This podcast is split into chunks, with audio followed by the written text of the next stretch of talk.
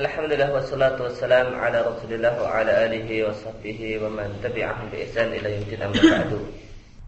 Qala ma'alif rahimahullah taala seandainya takdir adalah hujah yang bisa membenarkan dan melegitimasi pendapat salah perbuatan saya yang dilakukan oleh seseorang tentu Allah Subhanahu wa taala tidak akan menyiksa orang-orang yang mendustakan para rasul semacam kaum Nuh, Ad, Samud dan Mu'tafikat serta kaumnya Fir'aun. Dan tentu Allah tidaklah memerintahkan untuk menegakkan hukuman had terhadap orang-orang yang melampaui batas. Yang benar tidaklah seorang itu beralasan dengan takdir kecuali jika dia adalah seorang yang mengikuti hawa nafsunya tanpa hidayah dari Allah Subhanahu wa taala. Dan siapa yang beranggapan bahasanya berkeyakinan bahasanya takdir adalah hujah yang membenarkan dan melegitimasi para pelaku eh, orang-orang uh, yang melakukan berbagai dosa dan kemaksiatan dan menghilangkan dari mereka celaan dan siksaan maka konsekuensinya fa'alihi maka kewajiban orang tersebut untuk tidak mencela seseorang, tidak pula membalas dan hukum seseorang jika ada orang lain yang melampaui batas terhadap dirinya.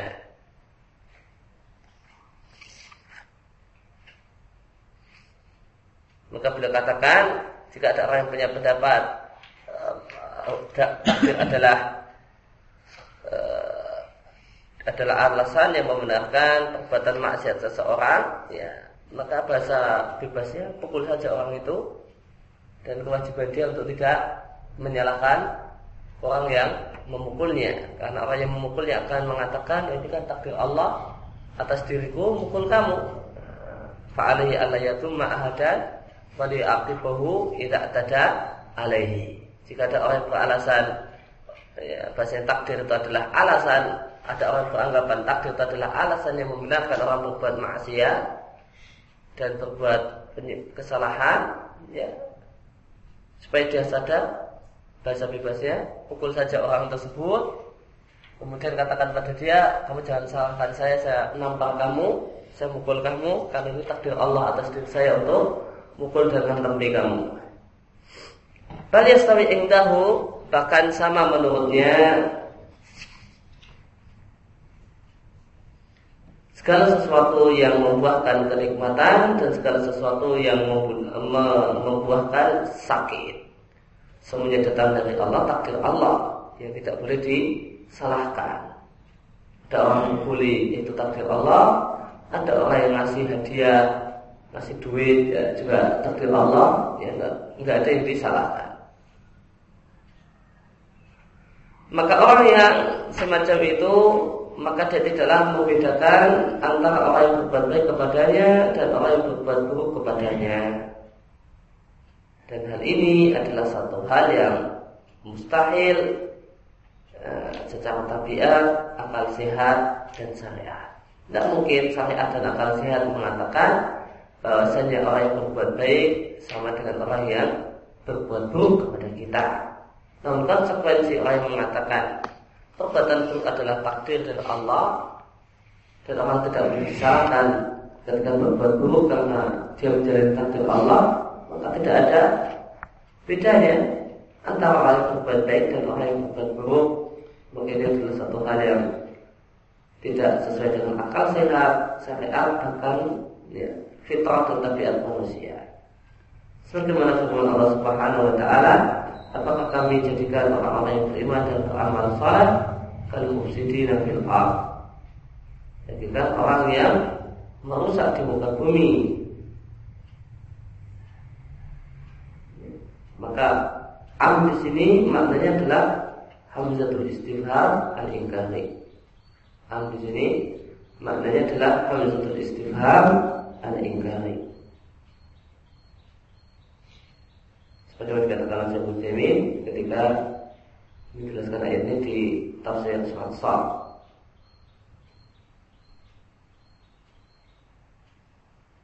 Amna ja'alul muttaqina kal Apakah kami akan jadikan orang-orang yang takwa sebagaimana orang-orang yang suka berbuat dosa.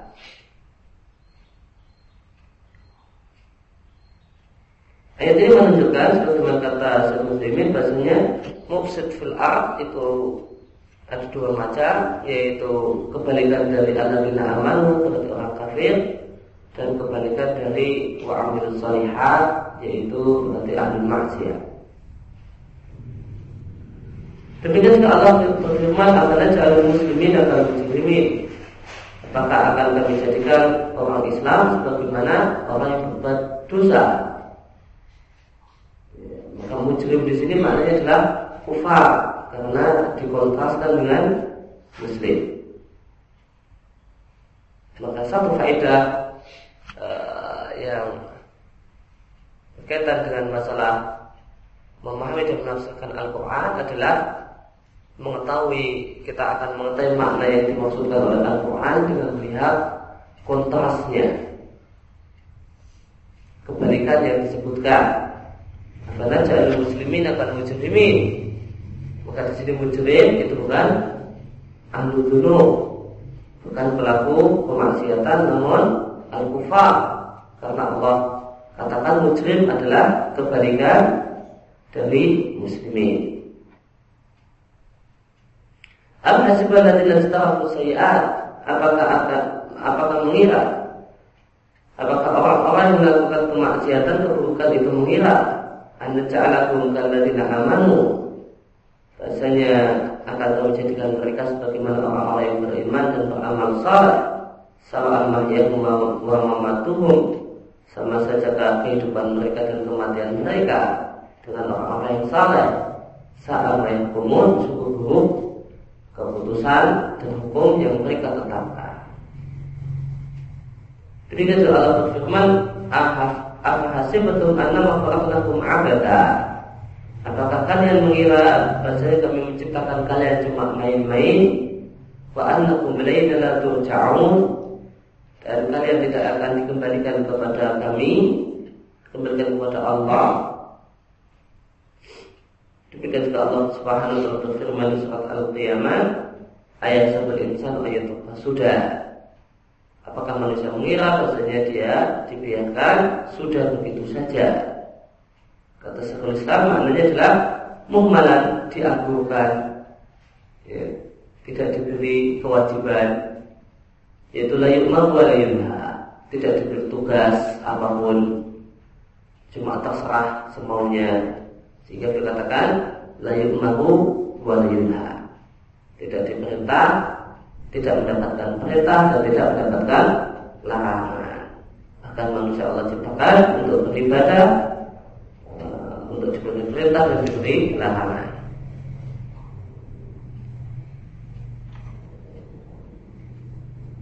Dan mana sudah dengan la yu'maru wa la ini asalnya adalah perkataan Al-Imam Syafi'i di kitabnya Arisalah. Wakat sahabat dan terdapat sebuah hadis dalam sahihain dia oleh Bukhari Muslim Nabi Wasallam mengatakan bahasanya Adam pernah berhujah atau berdebat dengan Musa.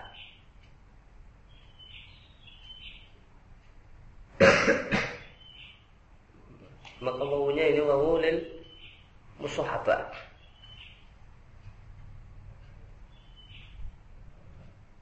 Wahumah. Kalau Musa, Musa mengatakan kepada Adam, wahai Adam, engkau adalah bapak seluruh manusia.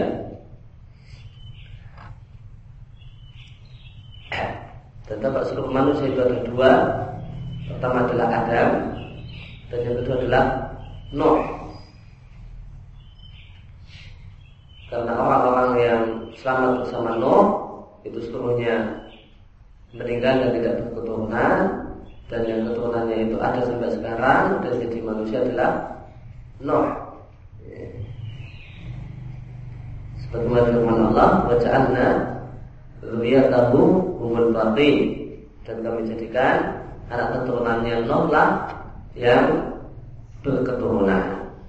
Yang lainnya yang bersama Nuh itu meninggal mati semua tanpa berketurunan. Maka Abdul Bashar bapak seluruh manusia itu dua. Pertama Adam dan yang kedua adalah Nuh.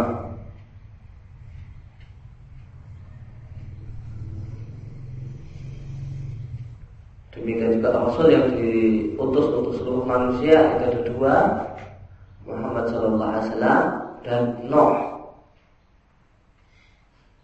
Karena seluruh manusia itu hancur, seluruh dunia terikat namun sudah itu hancur dan tidak ada yang tersisa kecuali Nuh.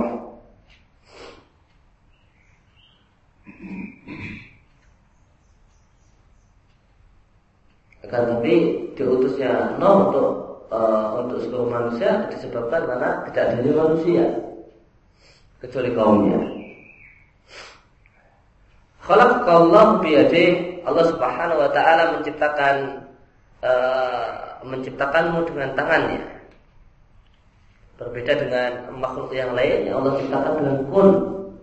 Maka Allah Subhanahu wa taala menciptakan Adam dengan tangannya.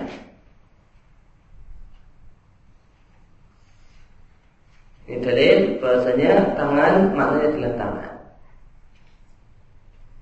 Karena seandainya tangan maknanya adalah kekuasaan, tidak ada beda Adam dengan yang lainnya.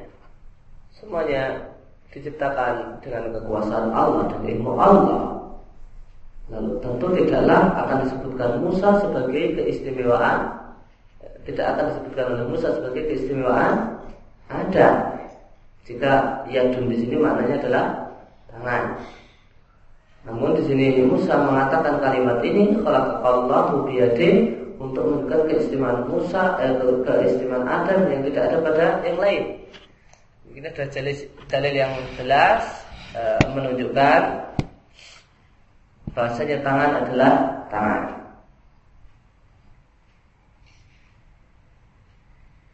Kemudian terdapat e, berkaitan dengan masalah ini terdapat riwayat yang sahih dari sahabat Ibnu Umar Ibnu Umar mengatakan khalaqallahu arba'ata asya biyadihi. Khalaqallahu arba'ata asya biyadihi. Ya Allah Subhanahu wa taala menciptakan empat hal dengan tangannya. Al-arsyu wal qalamu wa Adam wa jannatu adlin thumma qala sa'il al-khalqi kun faqana. Ibn Umar mengatakan kalau Subhanahu wa taala menciptakan empat benda empat makhluk dengan tangannya. Yang pertama adalah arsh, yang kedua adalah al-qalam, pena takdir, yang ketiga adalah Adam, dan yang keempat adalah jannatu adil, surga. Sedangkan untuk makhluk-makhluk yang lain Allah mengatakan pun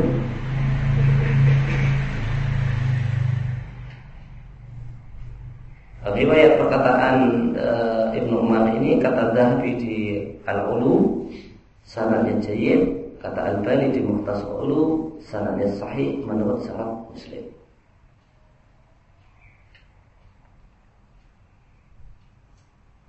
Dan ini adalah satu perkara ya bukan majal ijtihad maka perkataan sahabat yang mauquf ini fil hukmil marfu' dari masalah terakhir setelah mungkin para sahabat mendapatkannya Ibnu Umar mendapatkannya berdasarkan istihad dan berpikir setelah merenung maka menunjukkan kalau ini sebenarnya berasal dari sabda Nabi. Wa nafakha min dan Allah pada dirimu min istimewa yang Allah ciptakan. Wa asjadaka wa asjada laka malaikatahu dan Allah perintahkan para malaikat untuk bersujud kepadamu. Dan sujud di sini adalah sujud. Sujud di sini adalah sujud.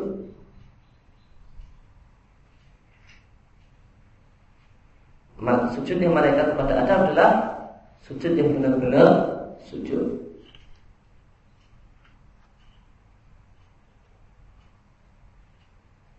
tidak sebagaimana anggapan sebagian ahli tafsir semacam jalan lain di tafsir surat al-baqarah dia memaknai tafsir jalan lain sujud tidak dimaknai sujud namun rukuk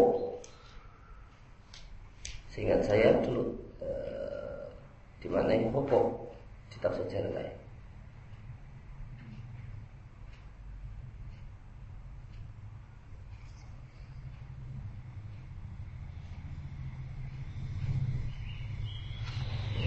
Jalan dikatakan pun ada malaikat sujud di Adam sujud tahiyah. Sujud di sini adalah sujud penghormatan. Bil inhina dengan rukuk. Dengan rukuk dengan membungkukkan badan, bukan sujud.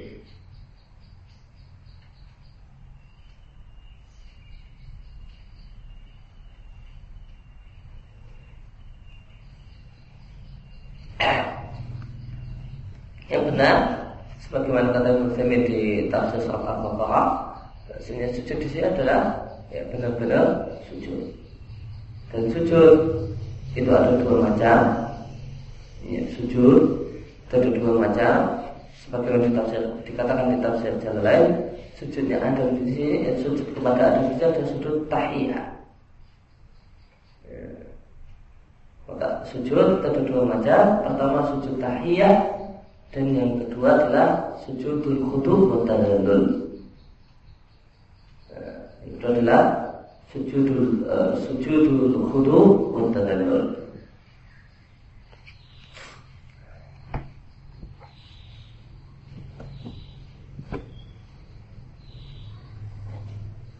Nah dulu di syariat terdahulu sebelum syariat di sebagian syariat selain syariat Muhammad Sallallahu Alaihi Wasallam dibolehkan sujud tahiyah li ghairillah. Ya, dibolehkan sujud tahiyah untuk selain Allah. Sebagaimana sujud kepada Adam, demikian juga sujud uh, yang ada dalam syariatnya Yusuf. Ada di syariatnya Yusuf.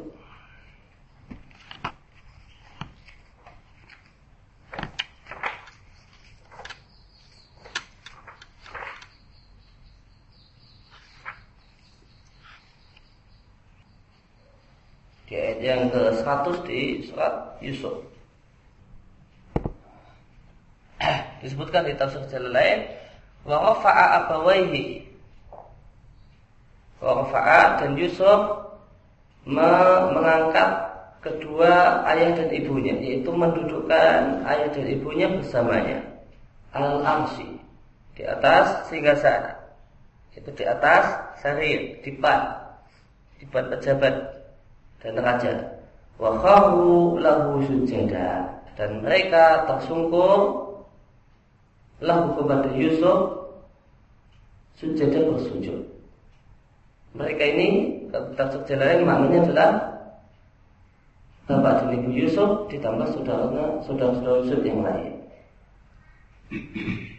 Nah, di sini di tafsir jalan masih ditafsirkan di surat Yusuf sujud di sini di mana dengan inhina dengan hukum bukan sujud dalam artian meletakkan dahi di lantai.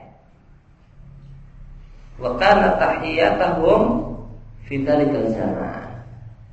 Dan sujudnya adalah penghormatan mereka penghormatan yang ada dalam syariatnya Yakub dan syariatnya Yusuf di zaman di zaman itu.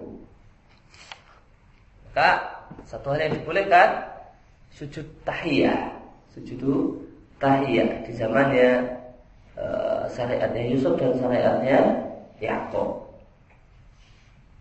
Maka sujud itu ada dua macam. Uh, sujud tahiyah yang kedua adalah sujudul khudu wa. Sujud dalam artian sebagai bentuk penghormatan. Nah ini yang pernah dibolehkan sebagian syariat dan yang kedua adalah sujudul khudu, sujud ketundukan dan menghinakan diri. Nah ini tidak boleh di semua syariat untuk selain Allah. Sujud jenis yang kedua sujudul khudu wa tadallul sujud dalam bentuk uh, kedudukan dan penghinaan diri yang ini merupakan sujud ibadah. Maka ini tidak boleh di semua syariat Rasul. Karena itu syirik dan semua Rasul Nabi dan Rasul mengajarkan aktif syirik. Namun yang pernah dibolehkan di sebagian syariat adalah sujud tahiyah. Sujud dalam bentuk dan dalam rangka penghormatan. Adapun dalam syariat Muhammad SAW semua sujud baik sujud tahiyah ya maka semua sujud baik sujud khudu ataupun sujud tahiyah semuanya diharamkan. Diharamkan ya sujud tahiyah minta sedariah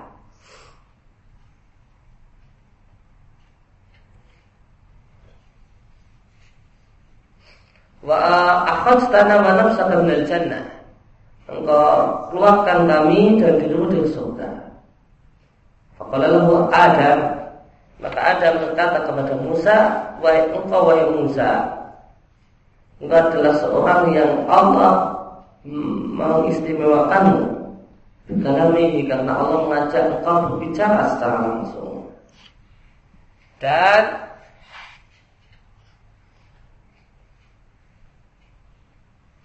Wakata balaka Taurat biyadi dan engkau menulis dan Allah menuliskan Taurat untukmu dengan tangannya. Kalau tadi yang disebutkan oleh Ibnu Umar itu tidak ada Taurat.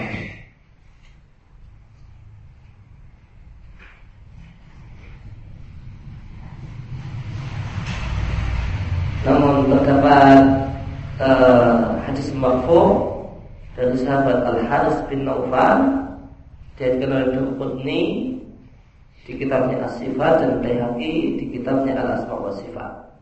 Nabi mengatakan bahwasanya Allah Subhanahu wa taala menciptakan tiga hal dengan tangannya. Khalaqa Adam bi yadihi wa kataba Tawrata bi yadihi wa gharasa jannata adn bi yadihi. Allah Subhanahu wa taala menciptakan Adam dengan tangannya, menuliskan Taurat dengan tangannya, dan menanami ya, pepohonan di surga dengan tangannya.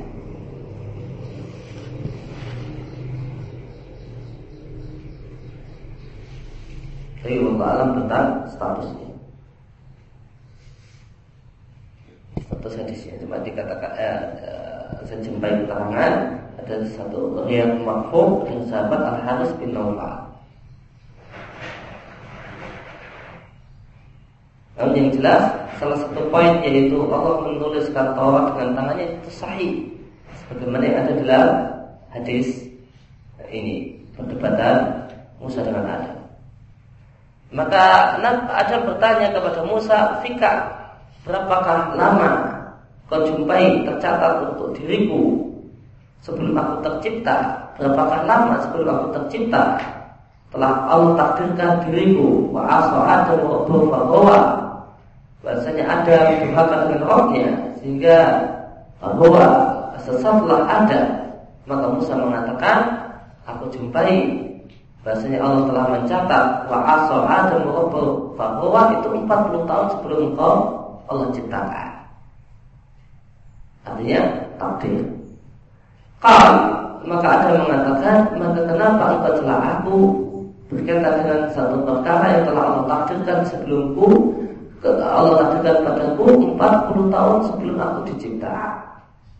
Maka kal Nabi mengatakan Fahajja Adam Musa Maka Adam memenangkan perdebatan dengan Musa Hajjah di sini maknanya baru bin Mengalahkannya hujjah Nah berkaitan dengan hadis ini Dolat fihi sesat Berkaitan dengan hadis ini Dua kelompok manusia satu kelompok manusia mendustakan hadis ini karena mereka mengira bahwasanya hadis tersebut mengandung makna hilangnya celaan dan siksaan terhadap orang-orang yang durhaka kepada Allah dengan alasan takdir.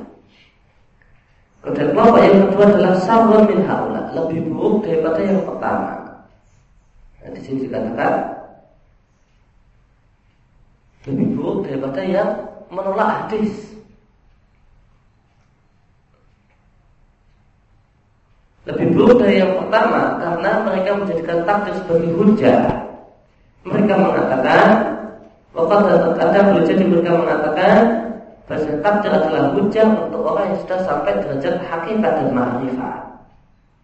Yaitu orang-orang yang sudah menyaksikan takdir yang dilihat di dunia ini cuma takdir. Sehingga semua dinilai ya, adalah kehendak Allah. Jika semua dinilai taat atau bahkan sudah dinilai tidak ada maksiat dan tidak ada taat karena dia melihatnya dari sudut, sudut pandang takdir. Ya, sebagaimana telah kita bahas. Atau uh, mereka adalah orang-orang yang menilai bahasanya mereka sudah tidak lagi memiliki perbuatan, lalu semuanya dinilai dengan kacamata takdir.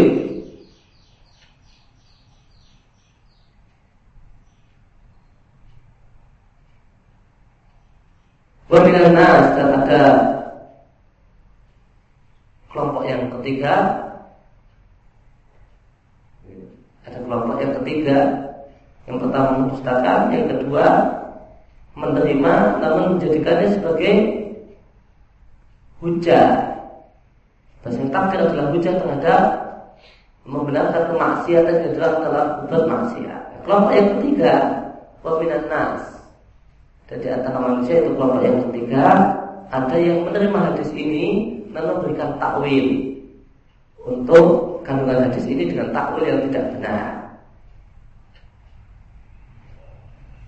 Peminat nasi dan ada orang yang mengatakan bahasanya Adam itu menang dalam, menang dalam perdebatan dengan Musa di anahu abuhu karena Adam adalah bapaknya Musa. Bapak mesti menang sama anaknya.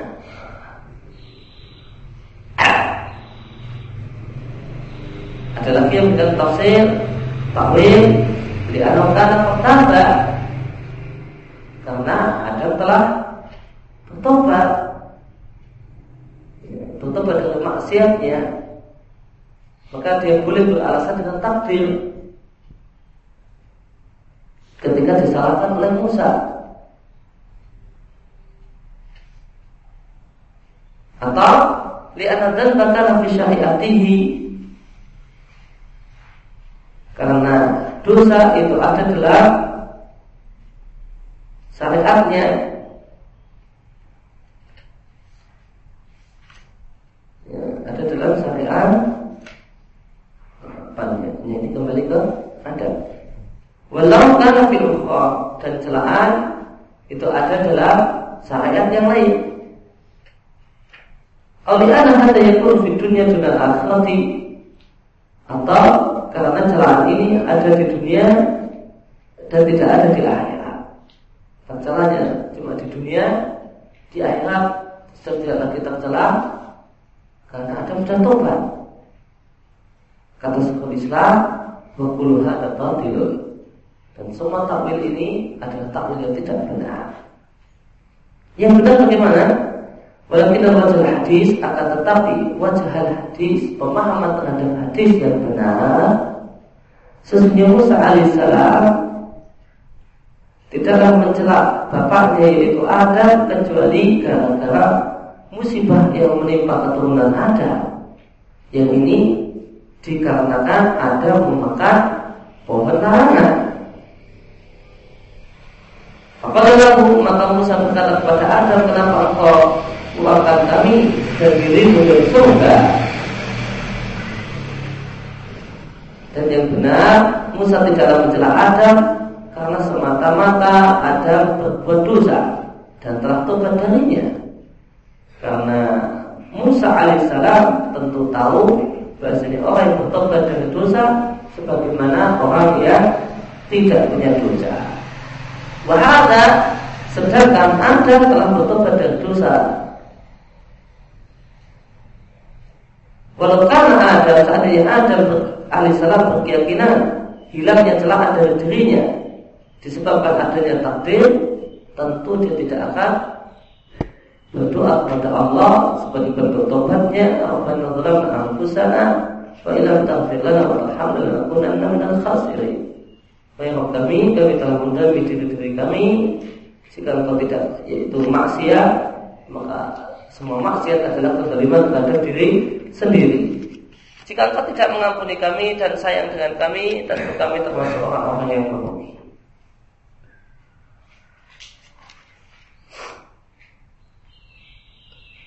Dan berkaitan dengan hadis ini, Syekhul Islam Taimiyah punya risalah khusus yaitu risalah al-ihtijaj bil.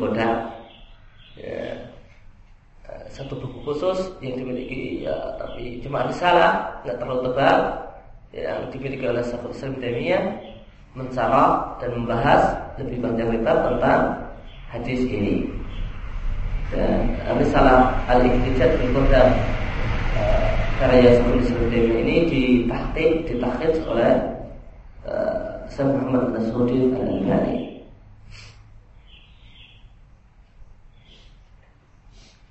Di Sang Arba'in Sayyid Utsaimin rahim, rahimahullah taala mengatakan bahasanya makna makna yang benar untuk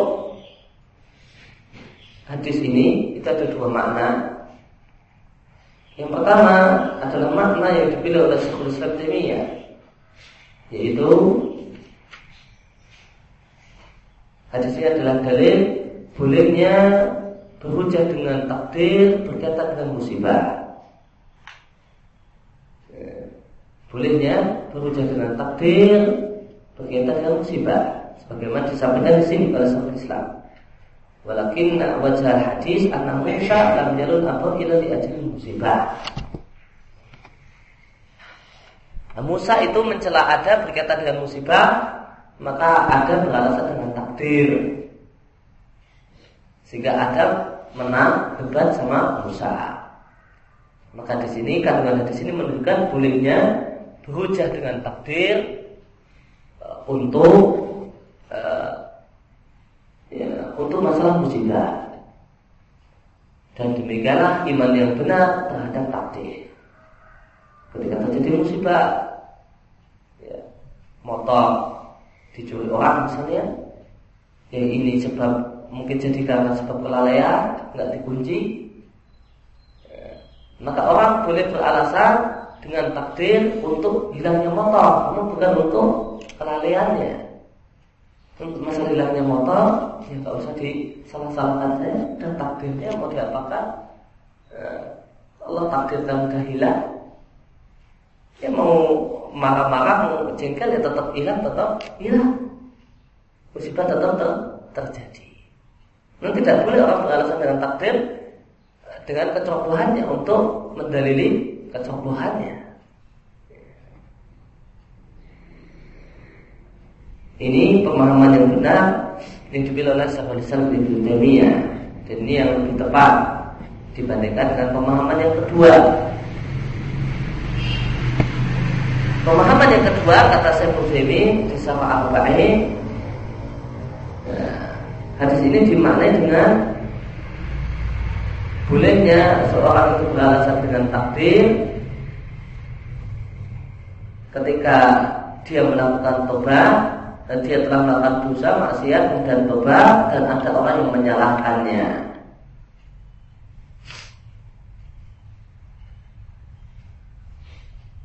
Karena Adam telah bertobat dari maksiatnya, disalahkan dan dia beralasan dalam takdir. Dan pemahaman ini adalah pemahaman Ibnu Qayyim. Dan kata saya Syekh pemahaman yang kedua ini benar meskipun pemahaman pertama itu yang lebih tepat. Kalau pemahaman yang disampaikan oleh eh, Ibnu Taimin itu sebagai pemahaman Ibnu Qayyim itu sudah disinggung oleh Syekhul Islam di sini yaitu Syekhul Islam mengatakan auli annahu karena qataba.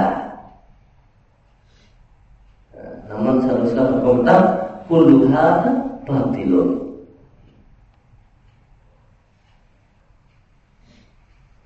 Nah, ini, tapi inti masalah tentang uh, tentang takwil di anna wa inti masalahnya adalah ini kata ibu nadar kemaladan balahu. Apakah ini juga syariat Musa? Apakah ini untuk umat Muhammad SAW? Apakah ini bisa kita pastikan adalah ajaran semua Rasul atau ibu nadar kemaladan balahu atau tidak? Kalau ini memang syariat semua Rasul, maka eh, apa yang dikatakan oleh Syaikhul Islam kullu hadza batil itu tepat. Mulai.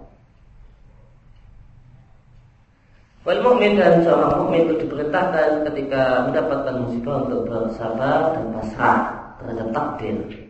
Dan ketika melakukan dosa untuk memohon ampun dan bertobat. Itu memohon ampun dengan lisannya dan bertobat dengan hatinya. Karena istighfar dan tobat adalah dua kata yang jika berkumpul berpisah dan bisa jika berpisah berkumpul. Jika disebutkan istighfar maka istighfar dan penyesalan tercakup di dalamnya. Dan jika dikatakan bertobat, maka ya dia telah bertobat dengan lisan dan dengan keadaannya dan dengan hatinya. Namun ketika disebutkan istighfar dan tobat, maka istighfar adalah ucapan lisan dan tobat adalah amal hati. Allah Subhanahu wa taala berfirman, "Fasbir maka bersabarlah. Inna wa'dallahi haq." Sesungguhnya janji Allah itu hak, wastaghfir li dan mohonlah ampun untuk dosamu. Maka ayat ini dalil bahasanya Nabi Muhammad punya dosa. Demikian juga uh, firman Allah yang lewat di halaman sebelumnya yaitu di surat Toha ayat 121 wa Adam wa bahwa dalil maksudnya Adam punya maksiat dan punya dosa. Demikian juga perkataan Adam Rabbana dzalamna anfusana. Wa lam taghfir lana ini dalil Adam punya maksiat dan punya dosa. Makanya ada dalil-dalil yang digunakan dalam sunnah untuk mengatakan bahwasanya tidak benar anggapan sebagian orang yaitu asyairah yang beranggapan bahwasanya Nabi itu maksum artinya tidak punya dosa sama sekali. Ini anggapan Asy'ariyah. Nabi itu maksum, para Nabi itu maksum artinya tidak punya maksiat dan tidak punya dosa sama sekali. Pendapat uh, ini adalah pendapat yang menyimpang, ya sangat banyak dalil menunjukkan tidak benarnya. Yang benar, ya, tidaklah yang dimaksud Nabi itu maksum adalah bersih dari dosa sama sekali. Namun boleh jadi mereka melakukan maksiat selama maksiat itu adalah dosa kecil dan tidak berkaitan dengan uh, risalah. Maka Allah perintahkan Nabi untuk bersabar ketika menghadapi musibah dan memohon ampun ketika melakukan ma'ayib aib yaitu maksiat. Maka maka maksiat adalah aib. Meskipun tidak semua aib adalah maksiat. Namun semua maksiat adalah aib. Demikian juga Allah Subhanahu wa taala berfirman, "Ma'asaba min musibatin illa biidznillah." Tidaklah terjadi satu musibah kecuali dengan izin Allah, yaitu izin kauni, yaitu izin kauni. Allah mengizinkan secara kauni, Allah mengizinkan dengan takdirnya. Menyumin bila dan siapa yang beriman pada Allah, maka Allah akan tunjukkan hatinya. Kata Ibnu Mas'ud, yang dimaksud Allah berikan petunjuk pada hatinya adalah seorang yang musibah menimpanya ketika ada musibah menimpanya maka dia yakin bahwasanya musibah tersebut dari sisi Allah akhirnya dia ridho dan pasrah. Ya. Dilihatkan oleh Sa'id bin Mansur dalam sunannya sebagaimana di Al-Dur Al-Mansur karya Suyuti namun sayang muhakik tidak mutakhid dan memberikan hukum untuk asal ini. Padahal ini ada di Said uh, Sunan Said bin Mansur dan Sunan Said bin Mansur itu makro ada. Di sini muhakik berbeda dengan asal-asal yang lain dia kasih hukum uh, dikasih penilaian. Namun di sini di asal ini tidak diberi penilaian. Ya, padahal ya, Kalau saya bin Mansur itu tidak, tidak sulit untuk dicari karena mampu. Ada cetakan yang bukan makhluk.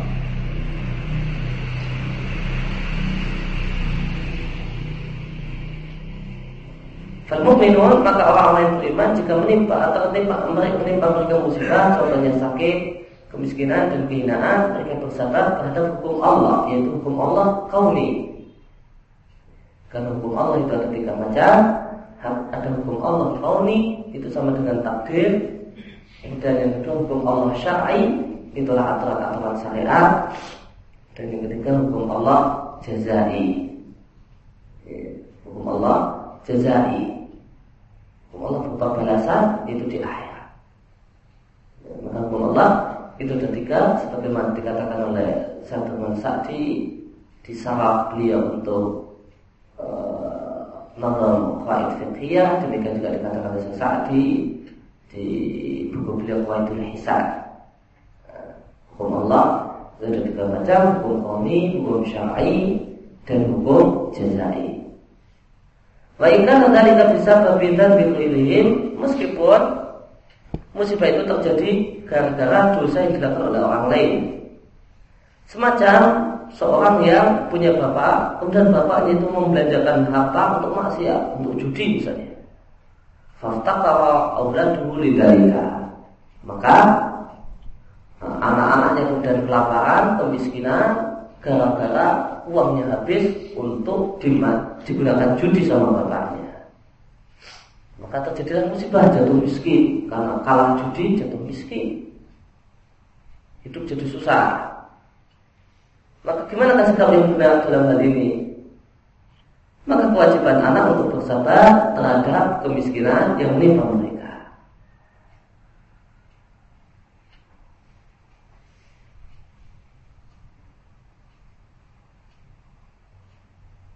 Wa idalamu alaba jika mereka menjelaskan bapak libududihim karena pentingan mereka maka sang bapak punya hak untuk menyebutkan takdir kepada anak-anaknya. Maka ini persis bagaimana kejadian Musa dengan Ada atau mirip dengan kejadian Musa dengan Ada. Anak anak dalam Nabi Musa menyalahkan bapak. Ya, dalam ini ada. Karena wududihim, karena kepentingannya susah hidup di dunia, enak hidup di jannah. Maka ada menyebutkan takdir. Ya, artinya beralasan dengan takdir berbeda dengan musibah. Kemudian hukum sabar, sabar hukumnya wajib dan ini ijma. Di sini ada klaim ijma. Ya Ittifaqil ulama dengan sepakat ulama. Yang klaim ijma di sini satu hal yang perlu uh, satu hal yang penting klaim-klaim ijma apalagi disampaikan oleh sebuah Islam. Wa min dalika namun derajat yang lebih tinggi daripada sabar adalah ridho terhadap hukum Allah yaitu hukum Allah kauni. Tentang hukum ridho, ulama berselisih pendapat, ada yang mengatakan hukumnya wajib, Eh, pendapat kedua mengatakan hukumnya mustahab dan kata Syekhul Islam bahwa sahih yang benar ridho terhadap takdir terhadap musibah itu hukumnya mustahab. Karena tidak terdapat dalil yang memerintahkan untuk ridho. Namun terdapat yang ada adalah pujian terhadap orang yang ridho. Ketika musibah terjadi. Wa'ala yang lebih tinggi dari hal tersebut adalah bersyukur kepada Allah ketika terjadi musibah. Lima ya karena orang ini melihat ya, nikmat Allah Subhanahu wa taala yang Allah berikan dengan adanya musibah. Di mana Allah jadikan musibah sebagai sebab terhapusnya dosa, ditinggikannya derajat dan menyebabkan orang itu bertobat kepada Allah, bertobat dan merendahkan diri kepada Allah dan memurnikan hanya untuk Allah dalam masalah tawakal dan menggantungkan harapan ya, tanpa melihat makhluk maka di sini Syekhul Islam menyebutkan tiga tingkatan. Maka di sini Syekhul Islam menyebutkan tiga tingkatan yang baik ketika seorang itu mendapatkan musibah. Sabar, tingkatan pertama lebih tinggi lagi ridho, dan hukum yang mustahab dan lebih tinggi lagi adalah suku. Maka dari keterangan ini kita tahu e, bahasanya ternyata penjelasan Syekh ini di Sahih Salihin di bab sadar yang mengatakan empat sikap manusia terhadap musibah. Pertama berkeluh kesah dan hukumnya halal. Kemudian sabar kemudian ridho dan syukur ini ternyata asalnya diambil dari perkataan Syekhul Islam di Al-Furqan eh, ini. Al-Furqan Baina Al-Rahman wa Isya'atah di sini Syekhul Islam menyebut ada tingkatan tiga tingkatan yang baik eh, tiga sikap baik yang diberikan eh, dan dilakukan dan dimiliki oleh seseorang ketika musibah terjadi sabar itu yang paling rendah lebih tinggi ridho lebih tinggi lagi syukur Wa amil bari wa dolak ataupun orang-orang yang sesat dan sesat maka kau jumpai mereka beralasan dengan takdir ketika mereka berbuat dosa dan mengikuti hawa nafsu. Akan tetapi ketika mereka berbuat baik, wayutifu al hasanah mereka nisbatkan kebaikan pada mereka diri mereka sendiri ketika Allah memberikan nikmat kepada mereka dengan berbagi kebaikan. Ya. Hasan di sini maknanya nikmat. Itu lapangnya rezeki, banyaknya harta, maka mereka nisbatkan nikmat kepada diri mereka. Bukti kalau al hasanat ini maknanya nikmat, lanjutannya kita an-aman alaih. Sebagaimana kata sebagian ulama yang mencela ahlul bagi wa dengan mengatakan padanya engkau ini kalau dalam masalah taat ya, kodariyah Bahasa ini adalah usahamu sendiri. Dalam masalah maksiat jabariyah. Maksiat hanya takdir Allah.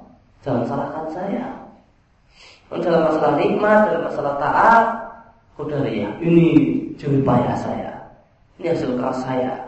Kecerdasan saya. Dalam masalah musibah jabariyah. Ini semua takdir Allah. Maka engkau ini semua madhab semua akidah yang sesuai dengan seleramu, nah itu kau ambil. Ketika masalah maksiat, maka yang sesuai dengan selera, jabariyah. Maka jadilah jabariyah. Ketika dalam kondisi senang, dalam nikmat, yang sesuai dengan selera adalah qadariyah. Semuanya dalam usaha manusia.